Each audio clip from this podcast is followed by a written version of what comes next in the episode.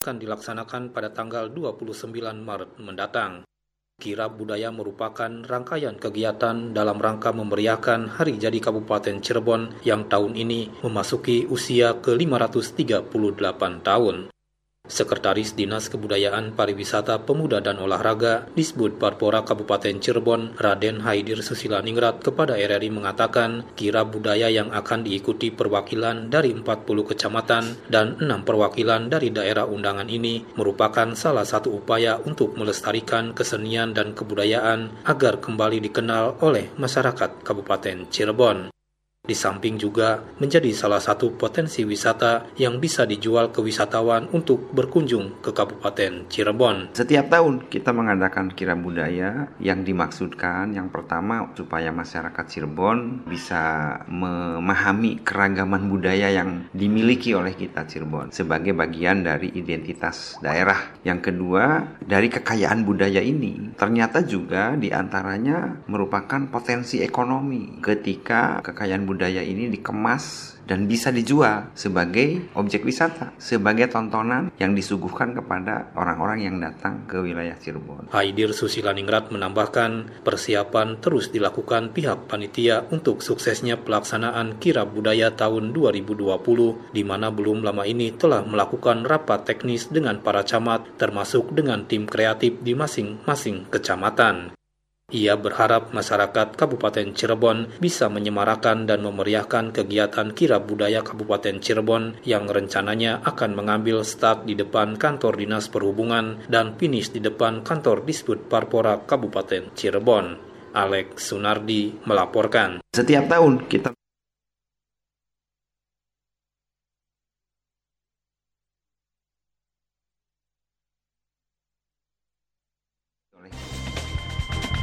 Saat ini Anda sedang mengikuti berita daerah Radio Republik Indonesia Cirebon. Harga daging ayam dan telur di pasar tradisional kota Cirebon naik.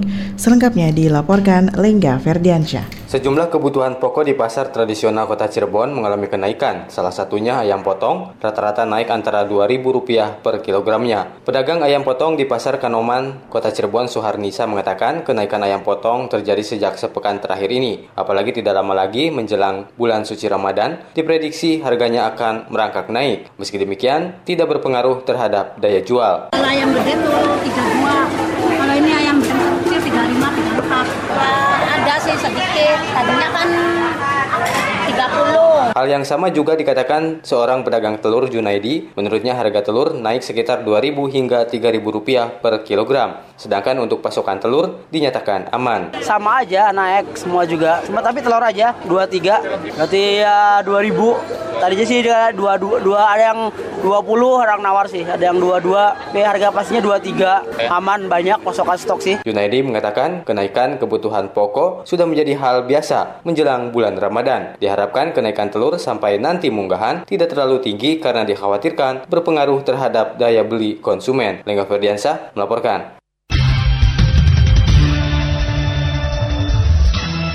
Isu terbesar yang menyangkut lingkungan adalah masalah sampah tidak hanya berskala nasional, tapi masalah sampah juga berskala internasional. Hal ini tidak akan selesai selama manusia membuang sampah. Demikian dikatakan Bupati Majalengka karena Sobahi pada upacara peringatan Hari Peduli Sampah Nasional. Menurutnya, untuk melawan sampah bukan dengan meniadakan sampah, Hal lain yang bisa dilakukan adalah merubah mental serta langkah strategis dan kebijakan politik mulai nasional, provinsi, kabupaten kota, kecamatan hingga desa. Karena sebat apa pun yang dibangun dan dikembangkan untuk mengelola sampah, bila tidak diikuti dengan sikap mental masyarakat dalam mengelola sampah di level terkecil yaitu individu, maka masalah sampah akan tetap menumpuk. Sementara Kepala Dinas Lingkungan Hidup Kabupaten Majalengka, Nadisha Hana Haritsin mengatakan, peringatan Hari Peduli Sampah Nasional merupakan momen strategis yang sangat berharga dalam membangun kesadaran untuk menyelesaikan permasalahan sampah yang sangat kompleks dengan mendorong partisipasi publik dan peran aktif dari segenap pemangku kepentingan dalam pengelolaan sampah. Dilarangnya melaksanakan umroh ke Arab Saudi agar disikapi secara bijak oleh semua pihak. Selengkapnya dilaporkan Aji Satria. Pemerintah Arab Saudi melarang jemaah umroh dari berbagai negara termasuk Indonesia untuk datang ke Tanah Suci guna mencegah penyebaran lebih luas lagi virus corona COVID-19 hingga batas waktu yang belum ditentukan. Menanggapi keputusan tersebut, sontak semua negara terkejut tidak terkecuali Indonesia yang terkena imbas. Pasalnya jamaah ibadah umroh dari Indonesia merupakan salah satu jamaah umroh terbanyak. Kepada RRI, Hajah Vivi Sofia selaku pimpinan Majelis Ta'lim Baitul Ilmi yang juga bergerak dalam jasa agen travel umroh menghormati akan keputusan tersebut dan menyerahkan sepenuhnya kepada otoritas berwenang demi keamanan jamaah umroh asal Indonesia. Jamaah Indonesia untuk tidak berangkat dulu menuju ke tanah suci atau untuk menjalankan ibadah umroh. Kalau menurut saya itu hal yang sangat baik, di mana pemerintah kita memang betul-betul apa peduli dengan masyarakatnya yang untuk berangkat ibadah umroh ke sana. Dan menurut saya hematnya yang di mana pemerintah Arab Saudi itu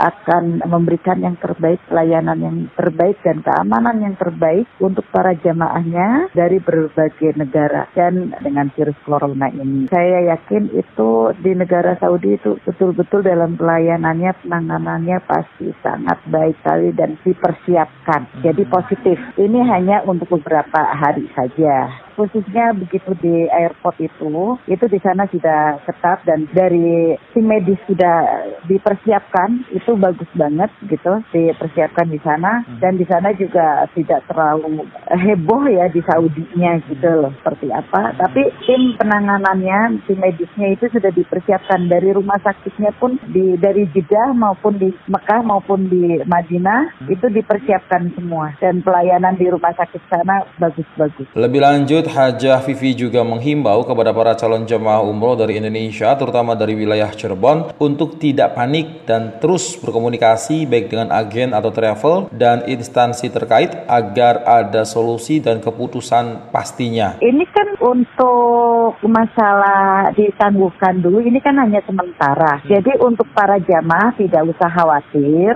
dengan yang sudah mendaftar, yang sudah mendapatkan visa dan harus berangkat. Ini semuanya ditanganin oleh pihak-pihak agent ataupun travel yang menanganin pasti ini tidak akan terjadi sesuatu apa. Jadi jangan khawatir untuk para jamaah ini hanya penundaan yang sifatnya tidak lama. Itu nah untuk para jamaah yang sudah pada menyetorkan ini pasti berangkat kok ini demi kebaikan dan kelancaran ibadah. Jadi saran dari Bunda untuk bersabar untuk seluruh jamaah itu supaya semuanya nanti ibadahnya di sana lancar dan kusuk ya. Di dikomunikasikan dan saya berharap juga dengan agensi-agensinya atau travel-travel umrohnya juga tolong berikan kenyamanan kepada jamaahnya supaya tidak risau. Jadi ya terus berikan informasi terus yang akurat. Jadi hmm. jangan sampai jamaahnya ini bimbang ya atau risau gitu. Hmm. Kalau corona kan baru sekarang ya. ini. Hmm. Dulu kan pernah itu uh, virus Mars itu hmm. juga kan. Tapi tidak memang tidak se seheboh sekarang ya hmm. dengan virus corona ini. Karena kan memang kan virus corona ini menyebar ke mana mana-mana gitu. Hmm. Tapi insya Allah mudah-mudahan kita berdoa semuanya khususnya untuk para jamaah umroh yang menjalankan ibadah umroh karena tidak ada halangan apa pun dan tetap sehat selalu uh, tidak kena virus apa pun dan jamaah yang sudah ada di sana pun bisa uh, kembali ke sini dan untuk penjagaan juga untuk jamaahmu yang mungkin yang masih ada di sana juga uh, harus tetap jaga kestabilan daripada kesehatan tersebut. Pemerintah Indonesia pun tentu harus bisa memberikan himbauan secara menyeluruh untuk masyarakat Indonesia agar bisa tenang dan menunggu informasi selanjutnya dari otoritas Arab Saudi terkait diperbolehkannya lagi ibadah umroh di Tanah Suci. Aji Satria melaporkan.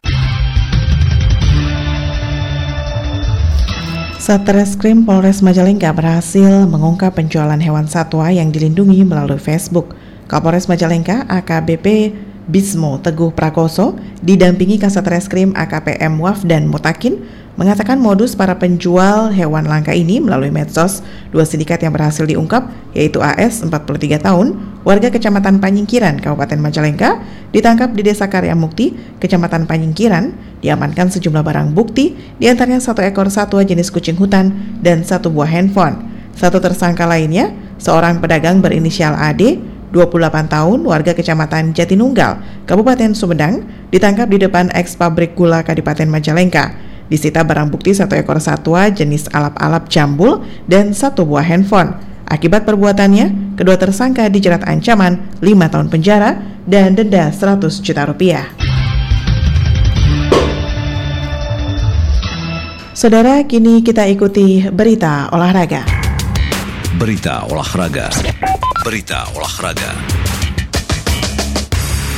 Korwil Pendidikan Kecamatan Greget, SMP Negeri 1 Sumber dan SMA Negeri 1 Sumber menjadi yang terbaik dalam invitasi atletik pelajar Kabupaten Cirebon tahun 2020. Selengkapnya dilaporkan Hairul Anwar. Korwil Pendidikan Kecamatan Greget meraih gelar juara umum pada invitasi atletik pelajar Kabupaten Cirebon tahun 2020 untuk tingkat sekolah dasar sederajat yang berakhir kemarin di lapangan Ranggajati Sumber. Korwil Pendidikan Kecamatan Greget meraih gelar juara umum dengan raihan 4 medali emas, satu perak, dan tiga perunggu mengungguli Kecamatan Pabedilan dan Susukan yang menjadi juara umum kedua dan ketiga. Empat medali emas yang menghantarkan Kecamatan Greget menyabat gelar juara umum masing-masing diraih Alam Irwansyah di nomor lompat tinggi putra dan nomor lari estafet 4 kali 200 meter putra dan putri, serta estafet 4 kali 100 meter putri.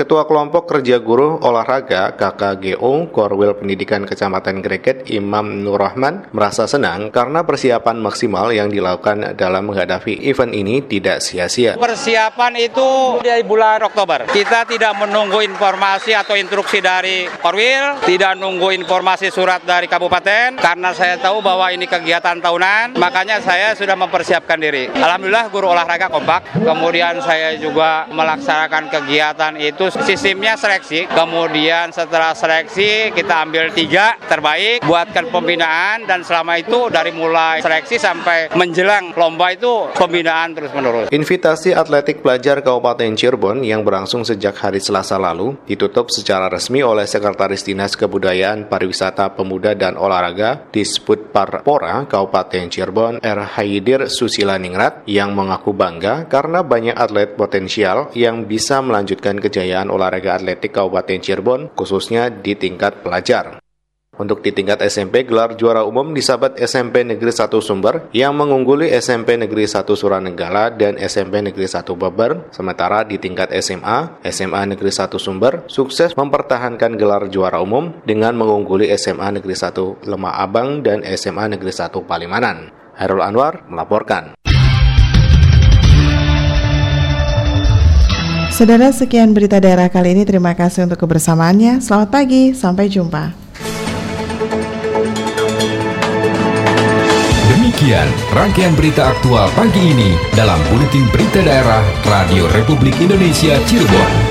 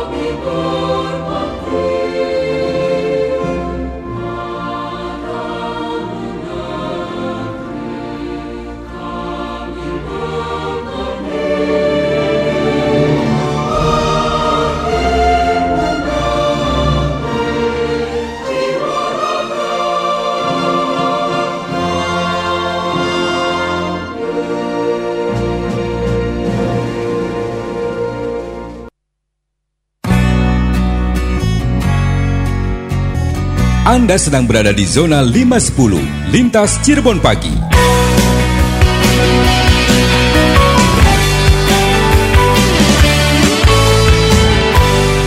Pro 1, kanal inspirasi.